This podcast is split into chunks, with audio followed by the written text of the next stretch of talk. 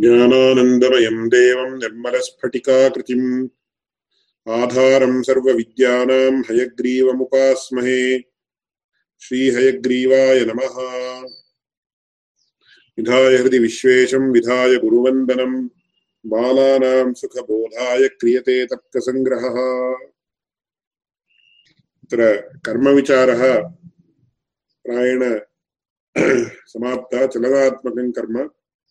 तत्र ऊर्ध्वदेशसंयोगहेतुः उत्क्षेपणम् अधोदेशसंयोगहेतुः अपक्षेपणम् शरीरसन्निकृष्टसंयोगहेतुराकुञ्चनम् शरीरविप्रकृष्टसंयोगहेतुः प्रसारणम् अन्यत् सर्वं गमनम्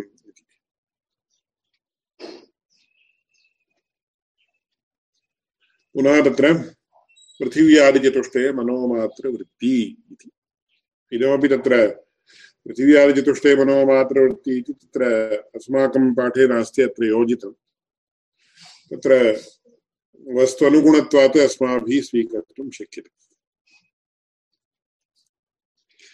एवञ्च तत्र अवधेयांशः, अत्र कर्म इति तत्र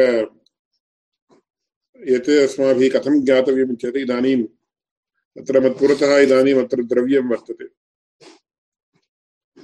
अत्र द्रव्यमेव प्रधानं सर्वापेक्षया, कुतः चेत् द्रव्ये एव गुणाः सन्ति। द्रव्यगुणकर्मसामान्यविशेषसमवाय अभावाः सप्तपदार्थाः इति सप्तपदार्थेषु मध्ये। अभावः विलक्षणः पदार्थः, तस्य पदार्थत्वम् अस्ति न वा इति विषये अग्रे उच्यते तत्र। सप्तपदार्थाः इति स्पष्टं तत्र तर्कसङ्ग्रहे स्पष्टमुक्तम् अन्यत्रापि स्पष्टमुक्तं द्रव्यं गुणस्तथा सविशेषकं समवायस्तथा भावः सपदार्थाः सप्तकीर्तिताः इति।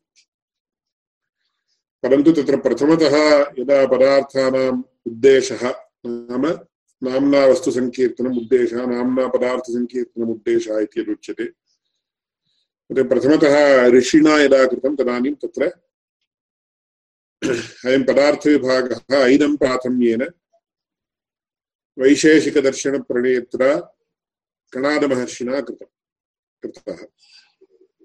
तत्र धर्मविशेषप्रसूतात् द्रव्यगुणकर्म सामान्यविशेषसमवायानाम् इति षण्णामेव तत्र स्पष्टतः कथनं वर्तते। द्रव्यगुणकर्मसामान्यविशेषसमवायानां, पदार्थानां, साधर्म्यवैधर्म्याभ्यां तत्त्वज्ञानात् निःश्रेयसम् इति तत्र सूत्रं वैशेषिकसूत्रम् धर्मविशेषप्रसूतात् द्रव्यगुणकर्मसामान्यविशेषसमवायानां, पदार्थानां, साधर्म्यवैधर्म्याभ्यां तत्त्वज्ञानान् निःश्रेयसम् इति सूत्रम्। तत्र सूत्रे तत्र षट्पदार्थाः विद्यन्ते। अभावः तत्र न कण्ठतः उक्तः। परन्तु अभावनिरूपणं तत्र वर्तते। तस्मात् अभावः पदार्थः न वा इति विषये बहुधा चर्चा वर्तते। तद्विषये अग्रे यदा अभावविचारः आग, आगच्छति तदानीं वदामि। परन्तु तत्र केषाञ्चिदभिप्रायः कः इत्येतत् पदार्थः द्विविधः भावः अभावश्चेति। भावः षड्विधः द्रव्यगुणकर्मसामान्यविशेषसमवायभेदात् इति एवं वक्तव्यम् इति तत्र विचारः आगच्छति। अत्रापि बहु बहु बहु विचाराणाम् अवकाशः वर्तते। स विचारः इदानीं, ते विचाराः इदानीं मा भवन्तु। परन्तु तत्र द्रव्यमेव प्रधानपदार्थः, द्रव्ये सर्वं वर्तते। द्रव्ये गुणः वर्तते, द्रव्ये कर्म वर्तते, द्रव्ये सामान्यं वर्तते। इति द्रव्य गुणकर्म सामान् सामान्यं विशेषः अपि द्रव्ये एव वर्तते।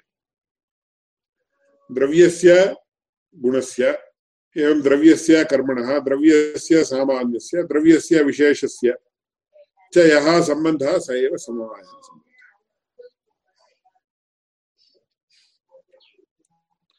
अतः तत्र एवं भवति। इति तत्र षट्पदार्थाः इति किमर्थं चेत् द्रव्यगुणकर्म सामान्यविशेषः इति द्रव्ये द्रव्यम् इति प्रथमं सर्व, सर्वापेक्षया प्रधानः पदार्थः। तत्र एते चत्वारः धर्मतया विद्यन्ते। गुणः, कर्म, सामान्यं, विशेषः इति। केन सम्बन्धेन विद्यन्ते? चेत् समवायाख्यसम्बन्धेन। इति समवायाख्यसम्बन्धः कः इत्येतत् तत्र मया आङ्ग्लभाषायां पूर्वमेव those two operate those two objects are entities which are separate but not separable इति। अतीव सम्यक् एकैः उक्तम्। इदानीमत्र अस्मिन् पत्रे पीतवर्णः वर्तते। अस्मिन् पत्रे पीतवर्णः वर्तते इति यदा उच्यते अस्माभिः, तदानीं पीतवर्णः अन्यः पत्रमन्यते इति ज्ञायते। कुतः पत्रे इति चेत् सप्तम्याः अधिकरणत्वर्थः इति शाब्दबोधप्रक्रिया उच्यते चेत् इदं पत्रं तत्र पत्रं धर्मी। धर्मभूतः पीतवर्णः। अतः धर्मभूतस्य पीतवर्णस्य, धर्मीभूतस्य पत्रस्य च विद्यमानः सम्बन्धः समवायसम्बन्धः पत्रे पीतवर्णः वर्तते इति यदा उच्यते, तदानीं पत्रमन्यते पीतवर्णः अन्यः इति स्पष्टतः ज्ञायते, कुतः? तत्र आधाराधेय भावः अनयोः वर्तते इति ज्ञायते। आधाराधेय भावः यदा अस्ति तदानीं तयोः गुणगुणिभावः अपि अस्ति इति ज्ञायते। एवं धर्मधर्मीभावः अस्ति इत्यपि ज्ञायते।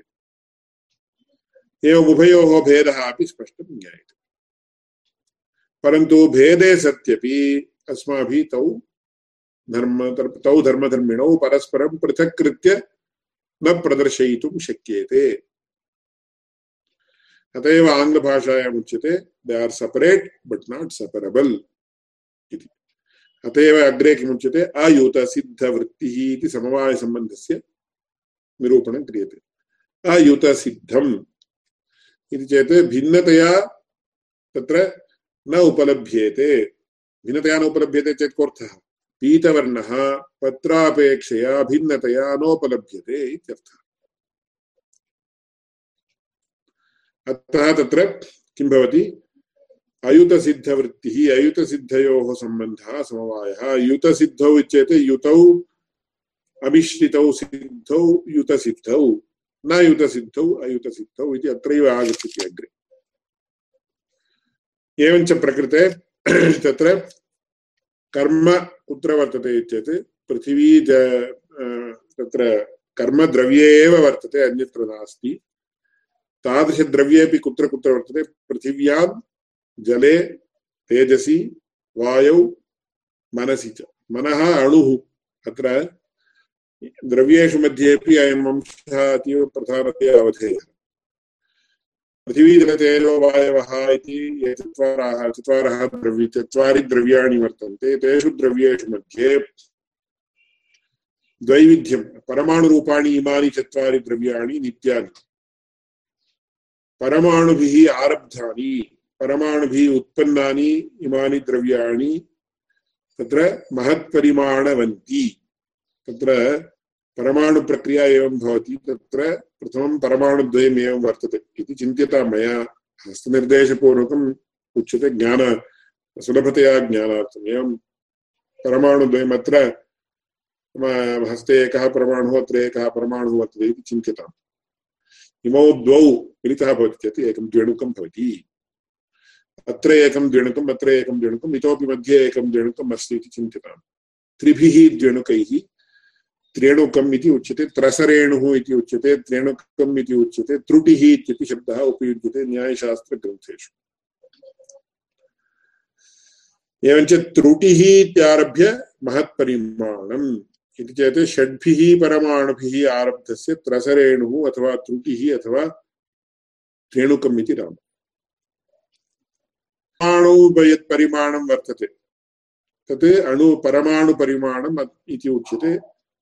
द्व्यणुके यत् परिमाणं वर्तते तत्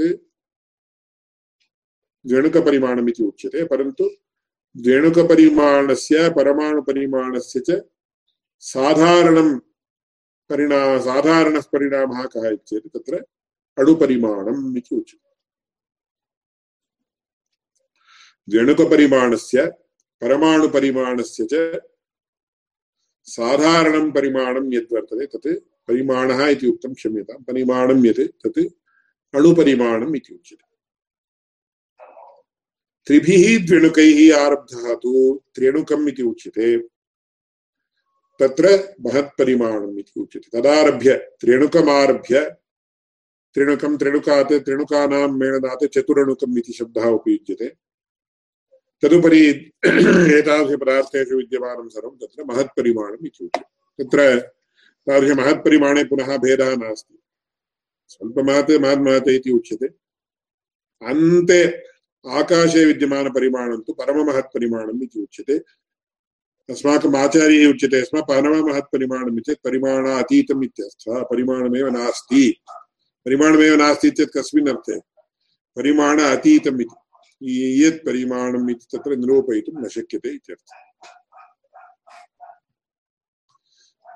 तत्र तस्मिन् काले परमाणुः कथं निरूपितः इति चेत् तत्र जालसूर्यमरीचिस्थं यत् सूक्ष्मं दृश्यते रजः।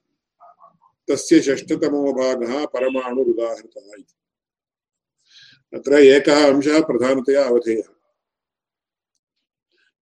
अस्माकं ऋषयः फिसिक्स् केमिस्ट्रि इत्यादि विषये सम्यक् ज्ञानवन्तः आसन्। ऋषयः अपि आसन्। ऋष्यनुसारिणः प्राक्तनाः, विद्वांसः अपि तत्र आसन्।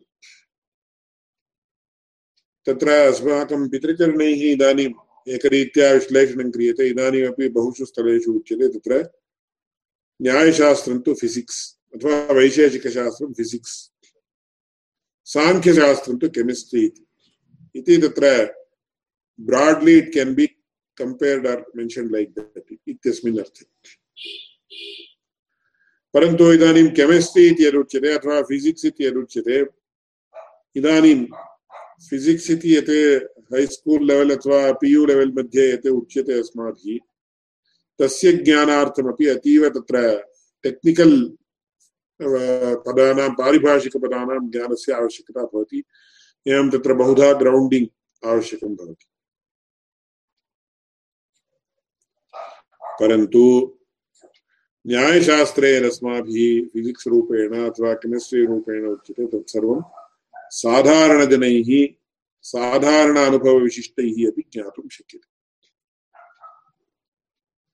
इदानीं केमिस्ट्रि इत्यत्र किमपि के एन् ओ त्री इति किमपि उच्यते। के एन् ओ त्री चेत् केल्शियम् बैकार्बनेट् इति किमपि उच्यते। अस्माभिः लौकिकैः किं ज्ञातुं शक्यते? परन्तु साङ्ख्यशास्त्रे उच्यमानकेमिस्ट्रि किञ्चिदिव ज्ञातुं शक्यते। अथवा न्यायशास्त्रे यदुच्यते तत्तु लोकायतमिति लोके आयतं लोकायतमिति लोकायतमिति चार्वाकदर्शनमिति बहुधा अनन्तरकाले आगतम् परन्तु लोकायतमित्येत् अस्यैव न्यायशास्त्रस्य नाम, कुतः? साङ्ख्यं लो, योगः, लोकायतं चेति आन्वीक्षिकी त्रिविधा। इति तत्र स्पष्टतः न्यायभाष्ये वर्तते। अर्थशास्त्रेपि वर्तते। अतः लोके अत एव प्रतीति अस्मिन् आचार्यैः असकृत् उच्यते स्म। प्रतीतिशरणाः नैयायिकाः।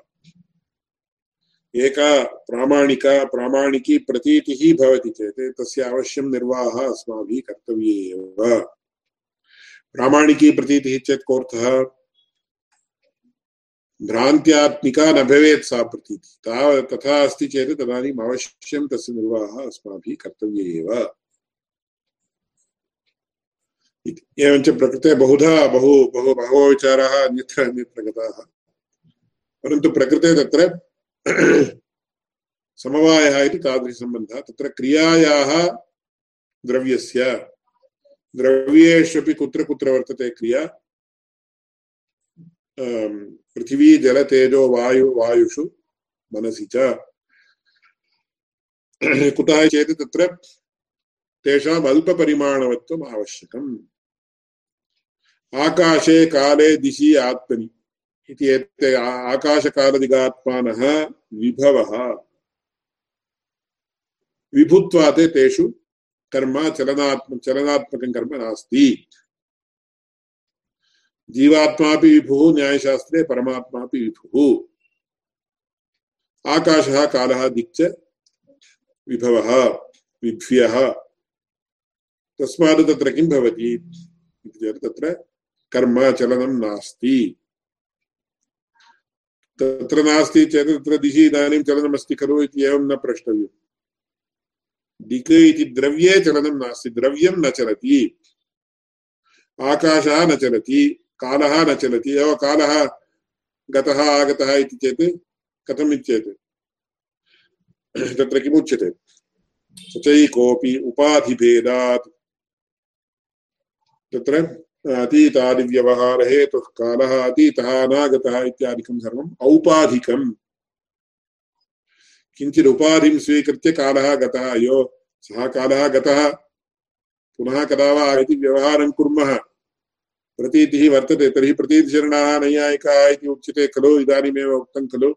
कालेपि क्रिया कुतो नास्ति गतम्, आगतम् इति तत्र प्रतीतिर्वर्तते खलु इति भवद्भिः प्रश्नः क्रियेत।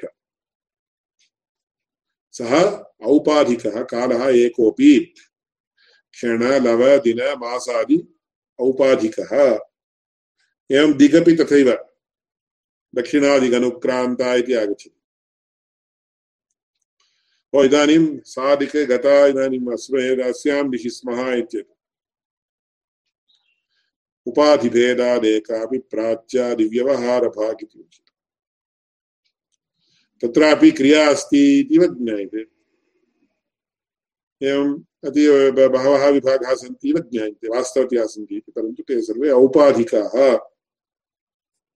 अतः आकाशः कालः दिक् आत्मा आत्मापि विभुः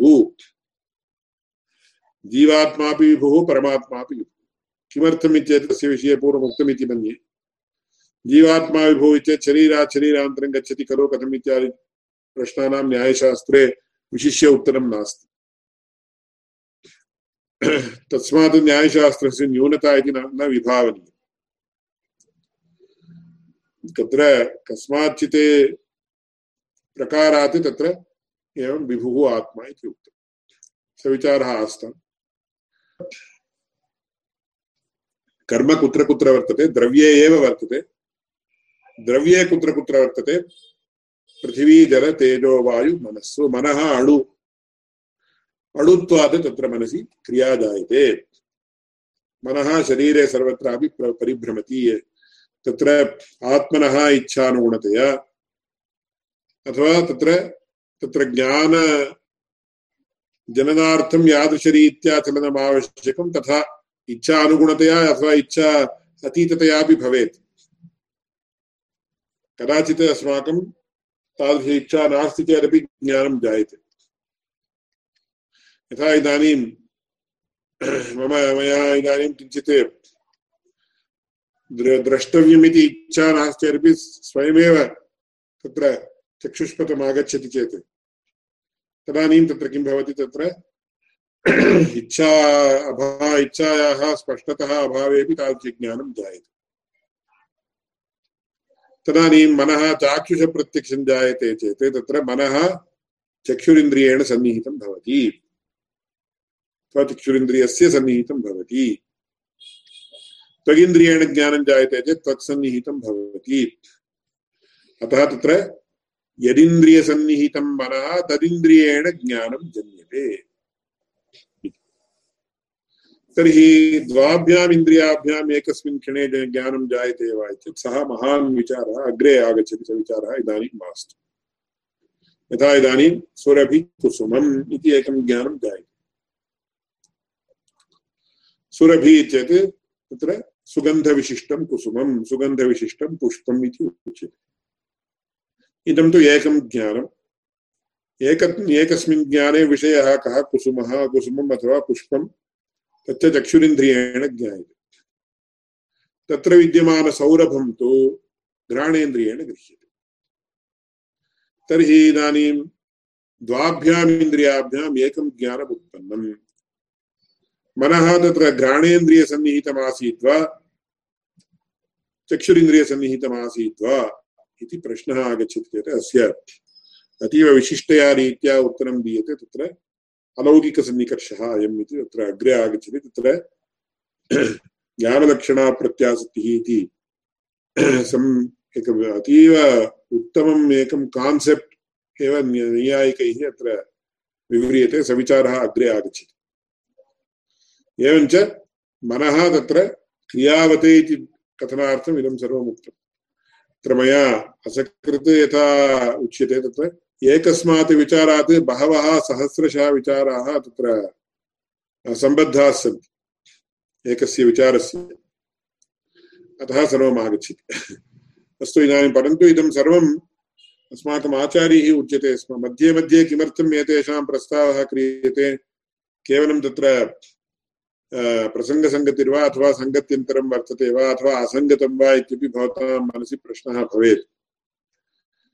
एते विचाराः एवम् एवम् एवं सन्ति इति तत्र संस्काररूपेण कर्णे पतिताः चेत् अनन्तरम् ओ तदानीं पूर्वं कदाचित् अस्य विषये किञ्चित् आगतम् इति भवतां तत्र प्रत्यभिज्ञां, प्रत्यभिज्ञापतम् आरोहति।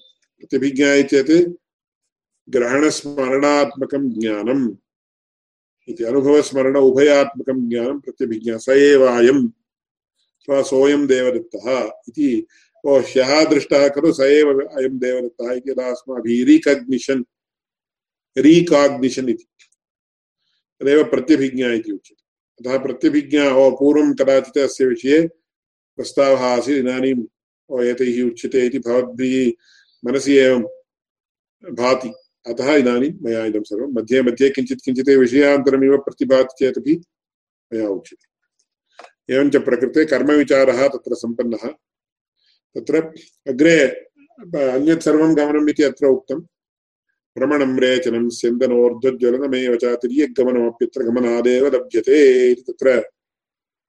यद्यपि कारिकावल्याम् इतोपि पञ्चकर्माणि, भ्रमणं, रेचनं, स्यन्दनम्, ऊर्ध्वज्वलनं इति पञ्च, पञ्चविधानि कर्माणि प्रतिपादितानि, तान्यपि गमनादेव लभ्यते इति अत एव अन्यत् सर्वं गमनम् इति अतीव तत्र संक्षेपेण तत्र प्रतिपादितम् इदं कर्म कुत्र वर्तते द्रव्यमात्रे वर्तते। गुणः अपि द्रव्यमात्रे वर्तते, क्रिया अपि द्रव्यमात्रे वर्तते। अत्र कर्मशब्दः क्रियावाची, चलनवाची, पुण्यपापरूपकर्म कर्म, चलनात्मकं कर्म, अनयोः मध्ये साङ्कर्यं कन्फ्यूषन् न कर्तव्यम्। अत्र पश्यन्तु, चलनात्मकं कर्म ऊर्ध्वदेशसंयोगहेतुः क्षेपणम् अधोदेशसंयोगहेतुरपक्षेपणं शरीरसन्निकृष्टसंयोगहेतुराकुञ्चनम् कृष्णसंयोगहेतुः प्रसारणम् अन्यत् सर्वं गमनम् इदं कुत्र वर्तते कर्म? पृथिव्यादिचतुष्टयमनोमात्रवृत्ति। तत्तद्गुणानां निरूपणावसरे कुत्र कुत्र वर्तते इति कथनात् यूनिफार्मिटि इति यदुच्यते, तस्य संरक्षणार्थं पृथिव्यादिचतुष्टये मनोमात्रवृत्ति इति कथनम् एकदृष्ट्या युक्तं, तत्र दोषो नास्ति। ततः परं नित्यमेकमनेकानुगतं सामान्यं द्रव्यगुणकर्मवृत्ति, परं सत्ता अपरं द्रव्यत्वादि इति अस्माकं पाठः। तावत् एवं पाठः कृतः नित्यमेकमनेकानुगतं सामान्यं द्रव्यगुणकर्मवृत्ति तद्विविधं परापरभेदादिति। इदम् अनावश्यकं पूर्वमेव तत्र उद्देशग्रन्थे तथा कृतत्वात्। परन्तु नित्यमेकमनेकानुगतं सामान्यम् इत्यत्र बहुविचारः वक्तव्यः अस्ति। इदानीं सामान्यपदार्थः सामान्यपदार्थः कथं विवरणीयः इत्युक्ते, इदानीं प्रथमतः बालः कश्चन अस्ति इति चिन्त्यताम् सः प्रथमवारम् इदं किम् इति पृच्छति। इदं किम् इति पृच्छामश्चेत् वयं वदामः, इयं लेखनी इति वदामः। पुनः यदा सः द्वितीयां लेखनीं समयान्तरे पश्यति, तदानीं पुनः पृच्छति वा इयम् इदं किम् इति पुनः पृच्छति वा अथवा न पृच्छति वा?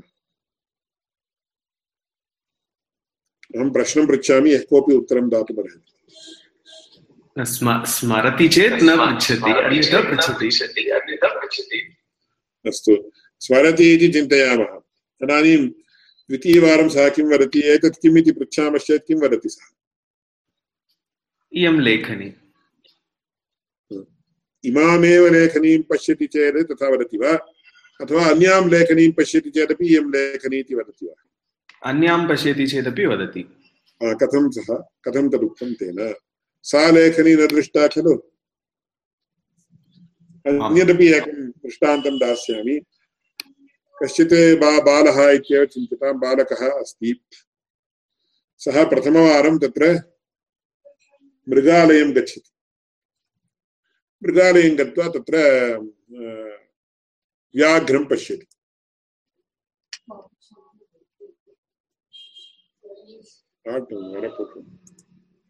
व्याघ्रं पश्यति।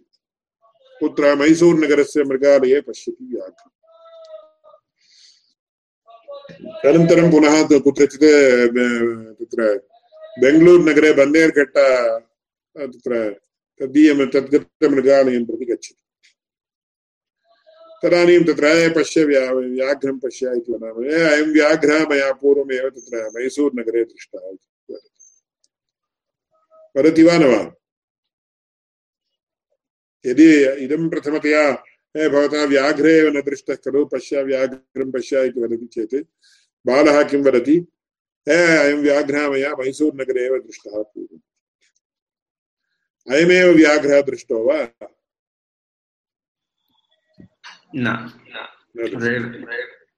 तर्हि कथम् अयमेव तर्हि भ्रान्त्यात्मकः अनुभवः वा चेत् न भ्रान्तिः। एकदृष्ट्या भ्रान्तिः इति वक्तुं शक्यते परन्तु भ्रान्तिः चेत् किमर्थम् अथवा तत्र एतादृश अनुभवः किन्निबन्धनः?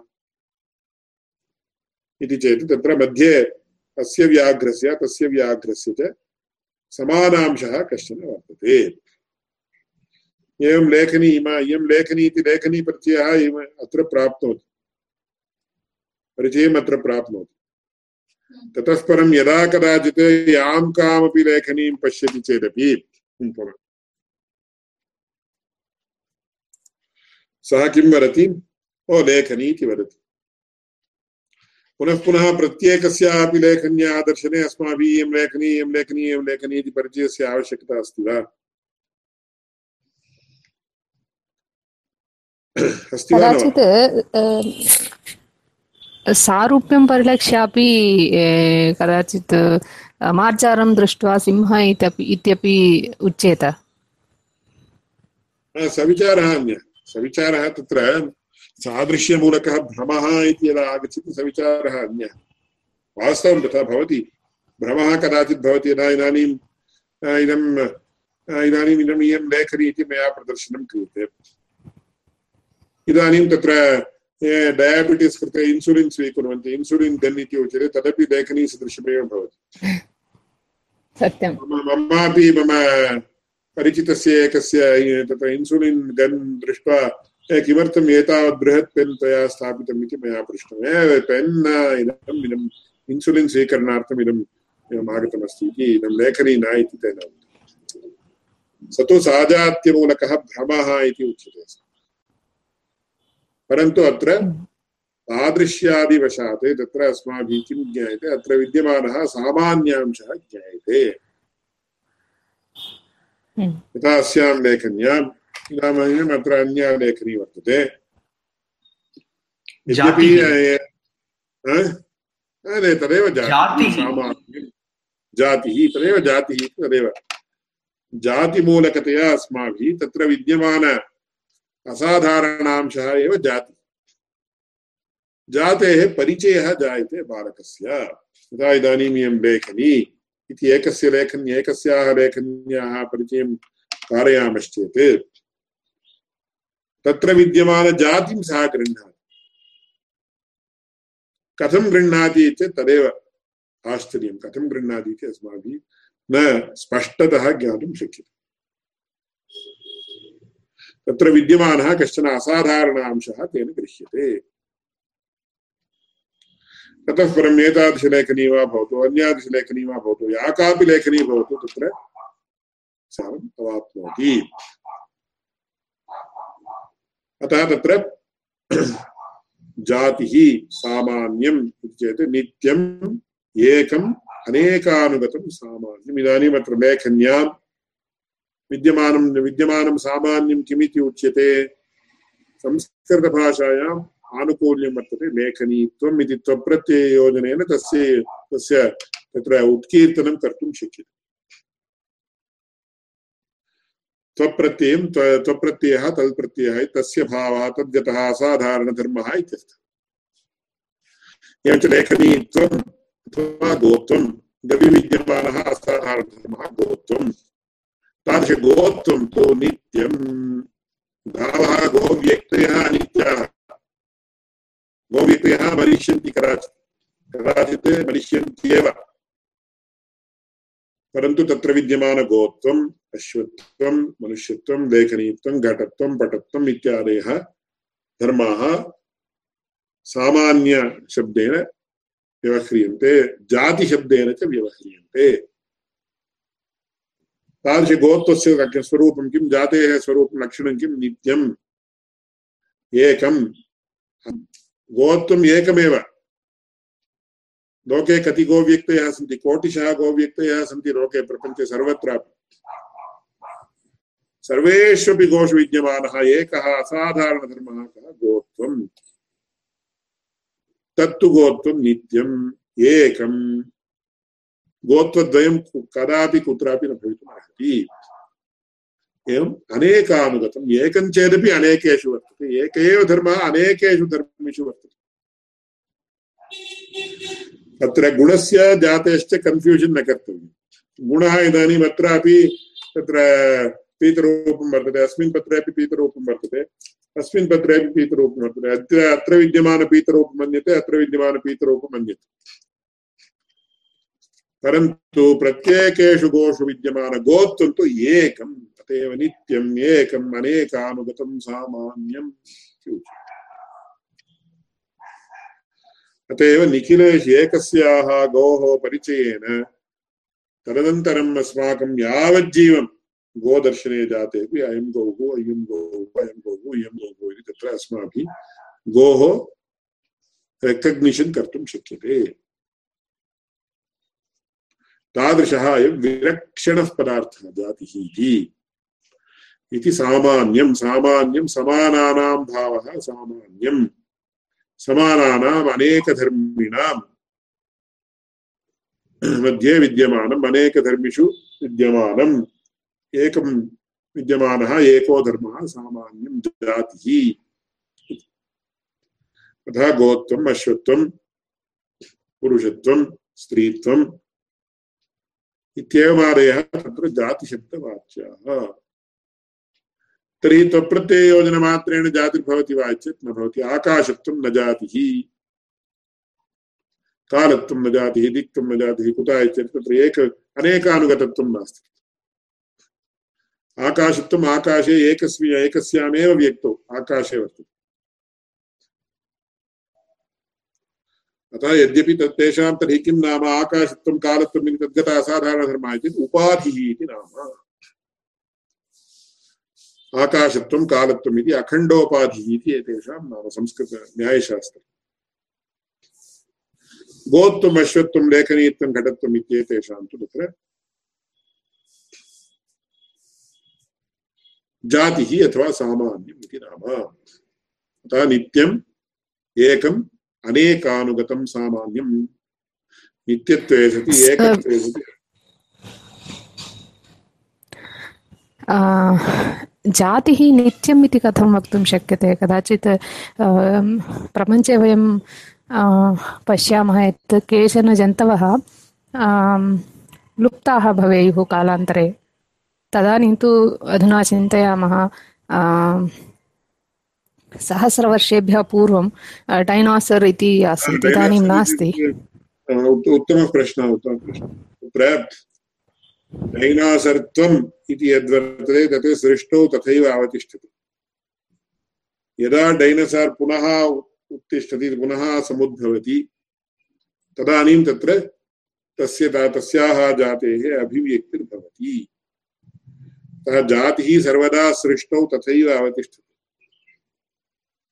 तस्य विषये बहुविचाराः सन्ति तत्र एकैकस्यापि यथा इदानीम् अग्रे मुक्तावलीग्रन्थे डैनसर् तु सहस्रशः आसन् विचारः भवतु। तत्र अग्रे नृसिंहत्वं जातिर्वा न वा इति प्रश्नः वर्तते। नृसिंहः एक एव परमात्मा, नृसिंहरूपेण अवतीर्णः, नृसिंहत्वं कथं जातिर्भवेत्, एकव्यक्तिमात्रवृत्तित्वात् इति प्रश्नः क्रियते, उत्तरमपि आगच्छति। अतः बहुधा विचारः कृतः अस्य विषये। भवतां, भवत्याः प्रश्नस्तु उत्तमः प्रश्नः जातिः तत्र अतीव सूक्ष्मरूपेण, तत्त्वरूपेण तत्र अवतिष्ठते। अतः व्यक्तीनां नाशेपि यथा प्रलयकाले इदानीं नित्यमिच्छेत् कोऽर्थः कदापि न निश्यति कदापि न उत्पत्तिः तस्य इति। उत्पत्तिरहितरहितत्वे सति, नाशरहितत्वं नित्यत्वम्। तत्र प्रलयकाले गोव्यक्तीनां सर्वेषामपि नाशः भवति। मनुष्याणामपि नाशः भवति। किमपि न सदासीन् नो सदासीत् तदानीम् इत्यादि वेदे आगच्छति। नासीद्रजो नो व्योमा परोयते इति प्रलयस्य तत्र निरूपणम् आगच्छति मनुष्याः गावः अश्वाः केऽपि न न भविष्यन्ति महाप्रलये पुनः। तदानीमपि गोत्वम् अश्वत्वं पुरुषत्वम् इत्यादि जातयः भवन्ति। कथं भवन्ति तत्र चेत् सूक्ष्मरूपेण भवन्ति। भवन्ति इत्यत्र किं प्रमाणम् इति चेत् तत्र तत्र सूक्ष्मरूपेण भवन्ति इति तत्र शब्दः प्रमाणं, तर्कः अपि प्रमाणं, तत्र किं प्रमाणम् इत्यादि विचाराः तत्र अग्रे विस्तरशः अग्रिमग्रन्थेषु उच्यन्ते। परन्तु डैनसार्त्वम् इति जातिरस्ति वा चेत् जातिः इदानीमपि अस्ति। अत एव तस्य अभिव्यक्तिः। अग्रे तस्यापि प्रश्नः अय्यो बहु बहु चर्चाः जाताः भविष्यन्ति च। अभिव्यक्तेः अभिव्यक्तिरस्ति वा न वा इति प्रश्नः। एवमेवं बहुधा चर्चा प्रचलति, पश्चात् पश्यामः। परन्तु उत्तमः प्रश्नः, इदानीमपि डैनसार्थम् इति। डैनसार्थम् इति शब्देन उच्यते वा न वा? तत्र विद्यमान धर्मविशेषः, असाधारणधर्मविशेषः, सर्वानुगतः। सर्वडैनसारेषु विद्यमानः, कश्चन धर्मविशेषः डैनसार्थम् इति वा किञ्चित् येन शत्वप्रत्यययोजने योजनायां वा उच्यतां योजनावन्तरा उच्यतां वा। तादृशजातिस्तु इदानीमपि वर्तते। यथा इदानीम् अन्य बहु एक्स्टिङ्क्ट् जाताः, बहु बहवः प्राणिनः। तादृशतत्त्वं तादृशजातित्वम् अस्ति वा नित्यत्वम्, एकत्वम् अनेकानुगतत्वम् आसीत् वा तत्र अनेकानुगतत्वम् आसीत्। आसीत् तर्हि सा जातिरिदानीमपि अस्ति। अस्ति चेत् कुत्र अस्ति? एतेषां विषये बहुविचाराः कथं कृताः इति मया उच्यते। एकम् उदाहरणं प्रदर्श्यते। इदानीम् एक बौद्धैः प्रश्नः क्रियते। तस्य विषये बहु डीप् इति गाढतया विचारः बौद्धानाम् एतेषां जातिविषये उदयनाचार्यैः बहु प्रश्नः उत्तरं, बौद्धैः सह वाक्यार्थः प्रचारितः। कदा? सहस्रवर्षेभ्यः पूर्वं। ते पृच्छन्ति, इदानीम् एकः गौः अत्र अस्ति। गविगोत्वमस्ति इति भवद्भिः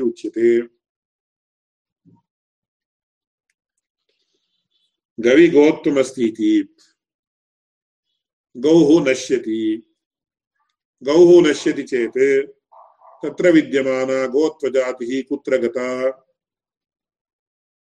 नष्टा वा? तत्रैव तिष्ठति वा? अन्यत्र गता वा? Three possibilities, three, only three possibilities.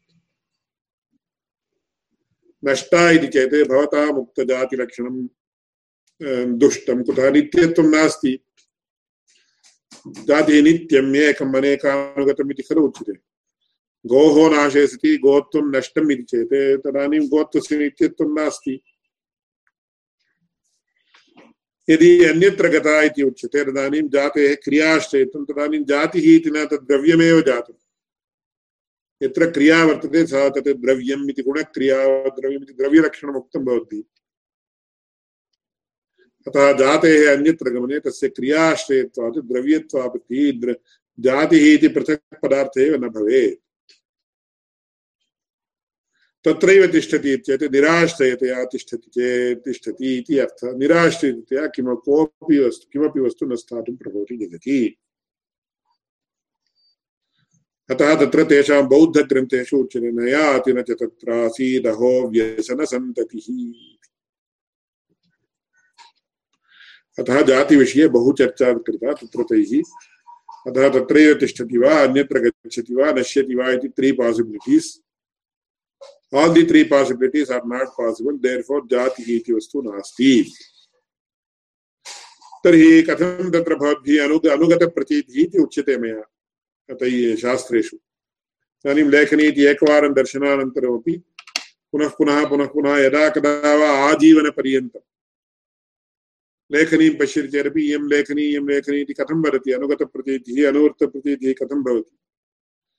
इति चेत् अपोहः इति बौद्धैः उच्यते। अपोहवादः इति महान् वादः सहस्रशः पुटानि लिखितानि तस्य विषये अपोहखण्डनविषये अपोहः इति अतद्व्यावृत्तिरूपः पासिटिव् रूपेण कोऽपि धर्मः नास्ति। गोत्वं नाम अगोव्यावृत्तिः इति उच्यते। अतः पासिटिव् रूपेण गोत्वम् इति नास्ति, कुतः एतस्मात् कारणात्। किन्तु किं नाम गोत्वम्? अगोव्यावृत्तिरूपम् इति वदन्ति। अतः तत्र बहु पराक्रान्तं बहु पराक्रान्तं सूरिभिः इति लिखन्ति ग्रन्थेषु। अस्य विषये बहु बहु विचारः कृतः। एवञ्च नित्यमेकमनेकानुगतं सामान्यम् इति एतावत्पर्यन्तमस्तु। भीमसरटः इति तत्र नामकरणादिकं स्वारस्यार्थम् अथवा तत्र कृते कर्तुं शक्यते न न स्वारस्यनिमित्तमेव मयापि स्थाप्यते. समीचीनं समीचीनमस्ति तत्र इदानीं यदा आङ्ग्लचलनचित्राणि तत्र अनूद्यन्ते तदानीं तु पुनः पेरिय बल्लि इति वदति एतत् तु बहु हास्यकरमस्ति।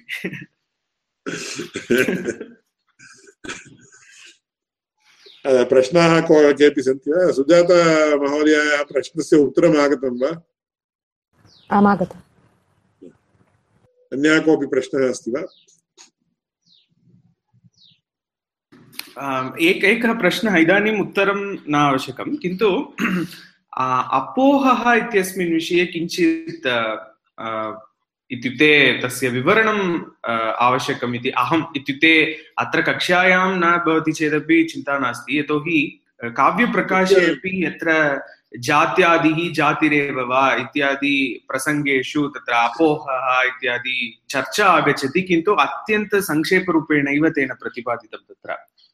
वदामि कक्षायामेव वदामि। कक्षायामेव वदामि।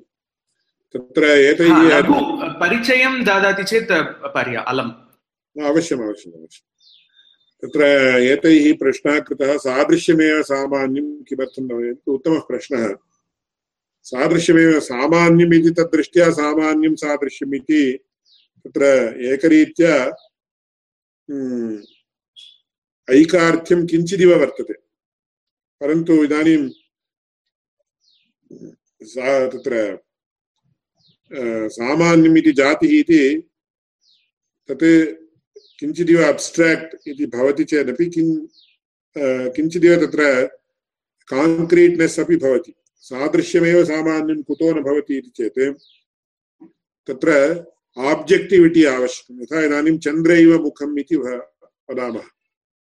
सादृश्यस्य प्रसिद्धम् उदाहरणं चन्द्रैव मुखम् इति चन्द्रे मुखे च सादृश्यं वर्तते इति उच्यते कस्मिन् अंशे सादृश्यमिदं सब्जेक्टिव् वा आब्जेक्टिव् वा चेत् it is very much subjective चेत् चन्द्रे आह्लादकत्वं वर्तते मुखेपि आह्लादकत्वं वर्तते इति कृत्वा इति चेत् चेत् तां दृष्ट्वा तस्मिन् आह्लादः, तस्मिन् पुरुषे आह्लादः जायते चेत्, तदानीं सः चन्द्रैव मुखम् इति आह्लादकं वस्तुन्तरं स्मृत्वा, तेन साकम् अस्य तत्र सदृशताम् आलोचयति अथवा वदति। इदानीं कस्यचित् काचित् शत्रु, शत्रुरूपेण अवतिष्ठते। तां पश्यति चेत् तस्य आह्लादकत्वं जायते वा चेत् न जायते। तदानीं चन्द्रैव मुखम् इति सः वदति सः सा अतीव तत्र इतरदृष्ट्या सा अतीव सुन्दरी अस्ति चेदपि न सुन्दरी इति वदति अतः तत्र सादृश्यम् इति तत्र सब्जेक्टिविटि अधिकं भवति तत्र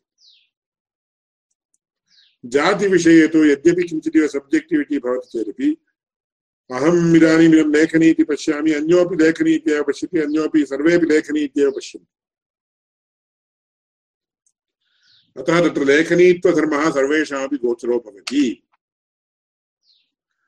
अतः तत्र सामान्यमन्यते। सामान्यं कथं गृह्यते चेत् सादृश्यादिद्वारा गृह्यते अत एव आकृतिः आकृतिः जातिलिङ्गाख्या इति। तद्विषये तत्र सामान्यग्रहणं कथं सामान्यस्य? पुनः रेकग्निशन् अथवा तत्र प्रत्यभिज्ञा कथम् इत्यादि विषये आकृतिः इति आगच्छति। आकृतिर्नाम अवयवसंस्थानं तद्विषये पुनः बहु वक्तव्यमस्ति। किन्तु उपमितिस्थले सादृश्यशब्दस्य अन्यथा व्यवहारः कृतः। किमिति कृतः? तत्र तद्भिन्नत्वे तद्गतभूयो धर्मवत्वं सादृश्यमिति कृतं तत्र। अस्तु, तत्र हानिर्नास्ति। अग्रेपि अस्मिन् विषये विचारः कर्तुं शक्यते अग्रिमकक्षायाम् अवश्यं पुनः विचारं कुर्मः परन्तु भवतां प्रश्नस्तु समीचीनः किमिति व्यवहारः कृतः अन्यथा व्यवहारः कृतः चेत् किमिति व्यवहारः कृतः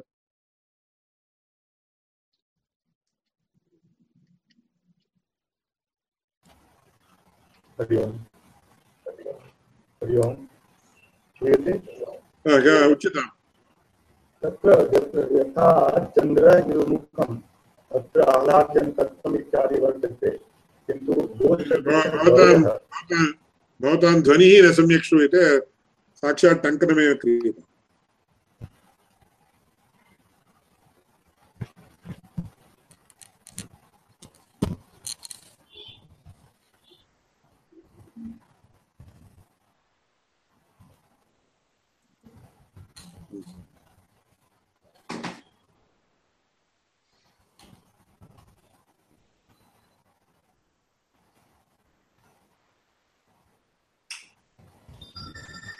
साक्षात् टङ्कनमेव क्रियतां कृपया।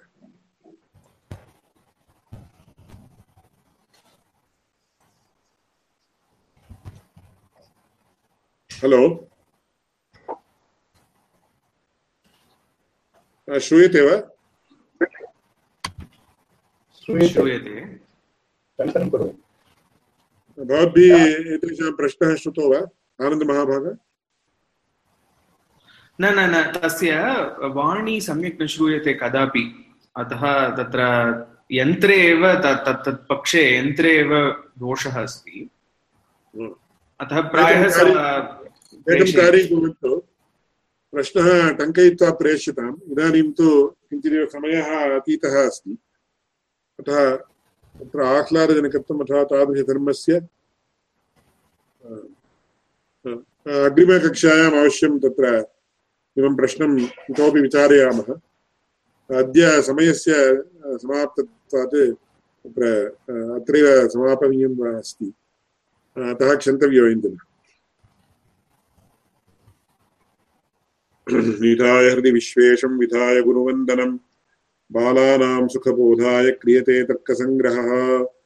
ज्ञानानन्दमयस्फटिकाकृतिम् आधारं सर्वविद्यानां, हयग्रीवमुपास्महे। श्री अयग्रीवाय नमः। अग्रिमकक्षायाम् अवश्यम् अस्य विषये चर्चा प्रचलति। प्रश्नाः अपि अवश्यं कर्तुं शक्यन्ते।